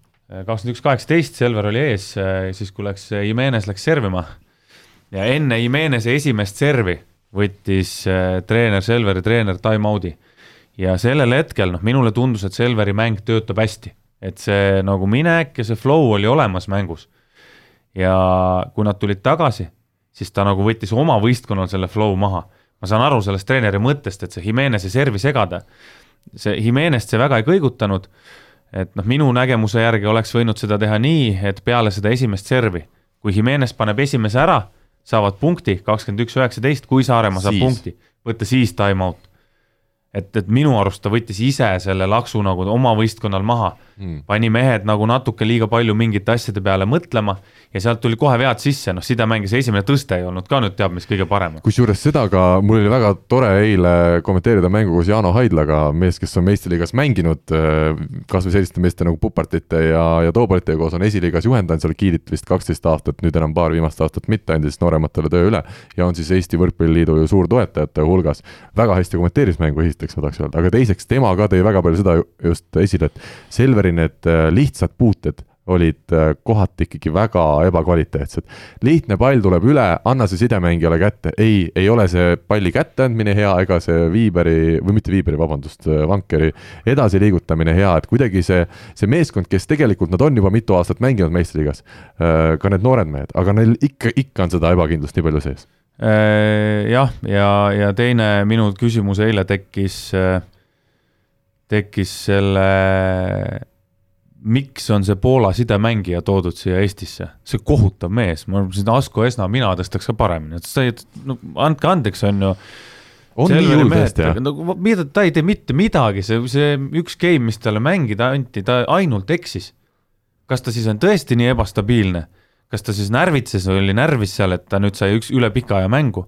ta ei teinud mitte midagi, ainuke asi, mis tal oli, hea serv oli tal. aga esimeses mängus Saaremaaga tõi ju ta, mis ta oli, kaheksa punkti pluss viis kahe no, või kolme game'iga. seda, seda mängu ma ei, seda mängu ma ei näinud. seda ma ei, ma ausalt öeldes ka seda mängu ise ei näinud, aga noh, see kaheksa punkti näitab, mis ta, eks ole, rünnakul ja servil tegi, aga jah, tõstetöö osas ma, ma ei ole eile oli täiesti kohutav. nagu minu, minu peas võiks seal olla siis mingisugune Eesti noor sidemängija, kes saaks mm, -hmm. kes saaks nagu trennida normaalselt ja, ja, ja mängida, kui on vaja, sest sellist meest osta pingi peale minu jaoks on see pointless, mina muidugi, jälle, ma ei näe seda võistkonda iga päev kõrvalt, on ju, aga üks kord, mis ma teda eile nägin, no mõttetu. sest Vanker on niikuinii põhisidemängija, et äh, Vanker on ja, ja jääb põhisidemängijaks täna, et, et äh, tõesti, mina olen ka Rivo selle mõttekäiguga väga nii-öelda nõus, et pigem andagi ühele järjekordsele noorele siin nii-öelda seda konti närida ja, ja hakka, hakkab nagu järgmine kuskilt nii-öelda tiibu vähe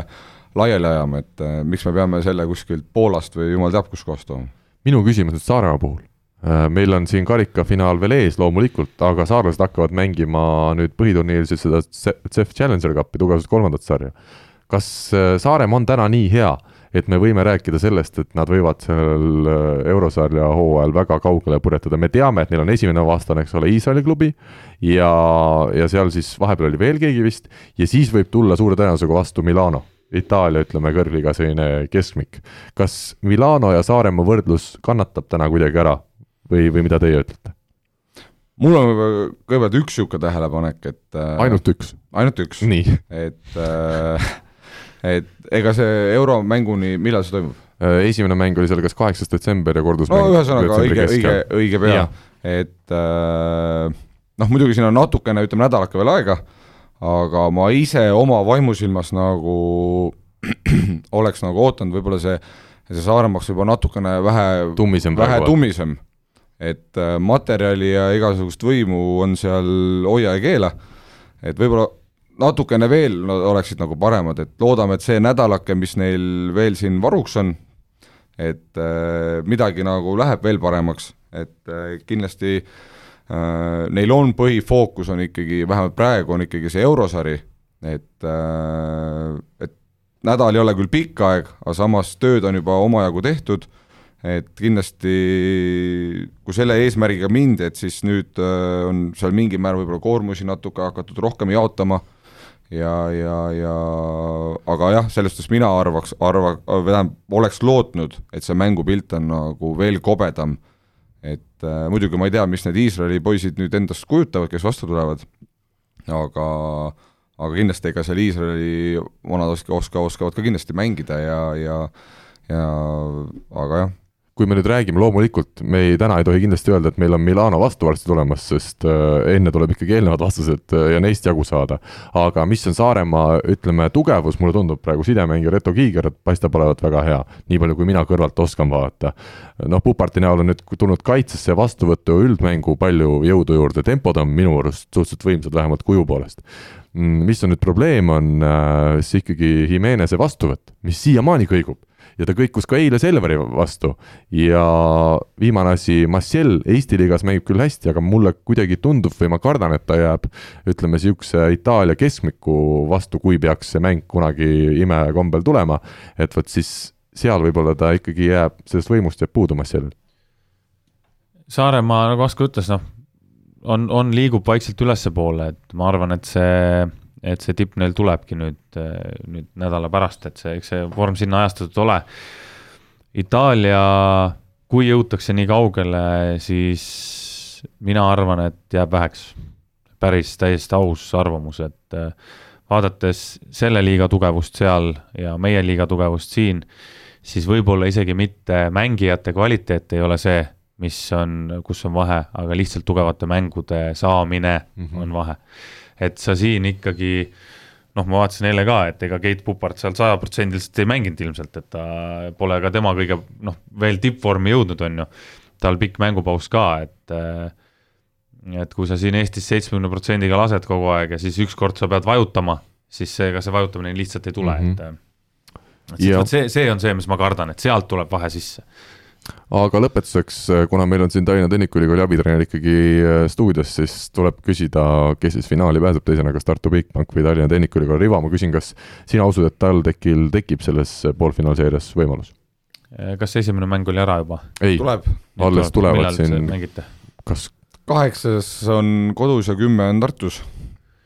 Äh, no TalTech peab tegema ikkagi perfektse mängu neil on olemas võimalused, ma arvan, et Asko, teil on olemas võimalused, et äh, seal läheb noh, ikka detail, väikeste detailide peale, et kui Tar-, Tartul on natukene halvem päev äh, ja TalTech teeb ideaalse mängu, siis nad võivad võita. sest TalTech on see aasta näidanud, ma arvan, et see Asko sinu tulek on, on pannud jõhkralt sa oled asjast õigesti aru saanud et eh, kusjuures ilma naljata, täiesti ilma naljata, et Jah. kui, kui Sirelpuu, Jaanis Sirelpuu üksinda andis trenni, on ju, igal juhul, kui on teine treener kõrval, sa saad nii palju rohkem asju teha. sul on nii palju rohkem, sama, millest ma ennem rääkisin, on ju, teine pilk natukene, mingid teised asjad. et TalTechil on olemas need eh, asjad, millega võita, aga need peavad õnnestuma. aga ma ütlen ka, et Tartu ei ole võib-olla nii kindel meeskond, nagu ta siis mõned hooajad tagasi oli, et äh, praegu me vaatame, neil on, eks ole, väga või suhteliselt noored nurgaründajad, kõik eestlased, väga head mehed, aga ütleme kohati ikkagi ebastabiilsed veel, mis on täiesti mõistetav. ja pluss on siis legionär Stockton diagonaalist, kes ei ole ka kindlasti kõige stabiilsem mängija, kes ei ole hooaja alguses nii hästi mänginud, nagu tartlased ka ise oleks lootnud, et viimane mäng, tal oli ikka väga kehva päev minu arust. kõikumisi on kõvasti jah, Tartul et, praegu. Tartu ei ole nii kindel, et siin võiks öelda, et äh, on juba, juba finaali koht tagatud. rääkisin Gerdiga siin eh, paar-kolm päeva tagasi, siis Gert ütles ka, et noh, et nagu tuleb, et vaikselt-vaikselt tuleb, et on kõvasti teha, aga, aga et nagu Et heal päeval on nad väga head. vaikselt tuleb, jah. aga neil on see kõikumine ikkagi veel sees. jah, ja kõigil kusjuures on, et, et kõikidel nurgaründajatel on äh, siis seesama hirmsat moodi kiidetud Alex Saaremaa on ju ka noh, eelmine mäng, ega ta väga suurt midagi teinud, et et ka ikka noored poisid, et äh, seda stabiilsust ei ole veel, ei ole veel nii palju. Nii et mina arvan, et TTÜ-l, TTÜ-l, TalTechil on äh, omad võimalused olemas. sina, Asko, ka seda usud? muidugi usun, et äh, Asko saaks kinga, saavad- Asko saaks kinga muidu, ütles, kui ei, siin ei ole mingit varianti. ma saaksin uued kingad, ära enam tule, ära õhtul tule. ära tossada, aga tood nüüd kingadega. et kindlasti on variandid, et ega see esimene mäng ka kolm-kaks äh, Tartus, et äh, see juba nii-öelda teadmine, et noh, et nendega on ju võimalik mängida, Mm -hmm. et äh, see kindlasti ja ega nüüd ongi ju tegelikult lühi-, väga lühikese aja jooksul, kas pooleteise nädala jooksul me mängime kolm korda Tartuga Mm. mm., pluss liigamäng ka, et äh, eks selle kolme mänguga saab üksteist nagu väga palju nagu tundma, aga samas eks nendel kahel mängul on see kaal natukene suurem kui sellel ühel liigamängul, et äh, kindlasti meil on omad variandid nii-öelda olemas ja, ja aga noh, ongi see on nagu, see on juba see kahest nagu mängust, et äh, seal seal keegi natukene rohkem, ütleme, sa just nimetasid neid noori nurgaründajaid, noh muidugi ega meie nurgaründajad nüüd väga palju vanemad pole välja arvatud ei, kindlasti seal on jah, seesama kõikumise Andris Umpu on ju, et, et noh, kindlasti sellest, et seal hakkab nagu niisugune mentaalne pool peale ja kuidas keegi seda, kui tähtsaks seda, seda mängu omal nagu peas äh, nii-öelda märgib, et äh, täpselt need väiksed detailid, nagu Rivo just siin ütles, et aga mina ootan neid mänge põnevusega ja ja lood-, loodet-, loodetavasti meie sealt nii-öelda võitjana ikka edasi läheme. Mis äh, Asko ütles väga hästi praegu selle kohta, et mis võib olla TTÜ jaoks suur pluss, on see, et ikkagi täna on TTÜ, noh, oleme ausad, on ju, on outsider ja neil on lihtsam mängida, neil ei ole midagi kaotada, teil on ainult võita. selle koha pealt peas võib-olla on lihtsam mängida, et siin ongi mine ja pane, tuleb, tuleb ja tule, ei tule noh.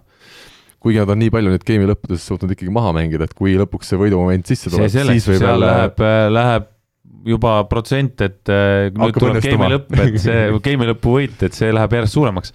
aga noh, Tartu favoriidina on alati raskem mängida, no see on, see on selge, see on eluaeg nii olnud. taganttulija, taganttulijal ikkagi nii-öelda väike eelis tuulest välja nagu jalgratturid on ju. aga Rivo, lõpetuseks, millal sind viim-, jälle stuudios saab näha, ma saan aru, et sa nüüd oled jälle oma lemmiksihtpunkt Anapasse lendamas. jah, Anapasse, kotlett, kotlettide paradiis. Ja tagasi oled? ma tagasi olen kahekümnendal detsembril peaks tulema nii et jõulu erisaated teeme siis jälle sinuga stuudios. ja jõulusaated võiks ära teha ja siis võiks veel paar saadet kohe teha, siis ma lähen kahekümne viiendal uuesti minema, nii et igatahes väga mõnus oli teiega täna vestelda, ma loodan, et ka kuulajatel oli mõnus, olgugi et see saade venis kangesti pikaks. ma olen kindel, et me teie mõlemaga siin stuudios kohtume veel, mitte ainult Rivoga, vaid ka Askoga. muidugi, ja täname aga kuulajaid ja kohtumiseni siis uuel nädalal. kohtumiseni. head aega Eesti kõige põnevamad podcastid on Delfis, kuula tasku.delfi.ee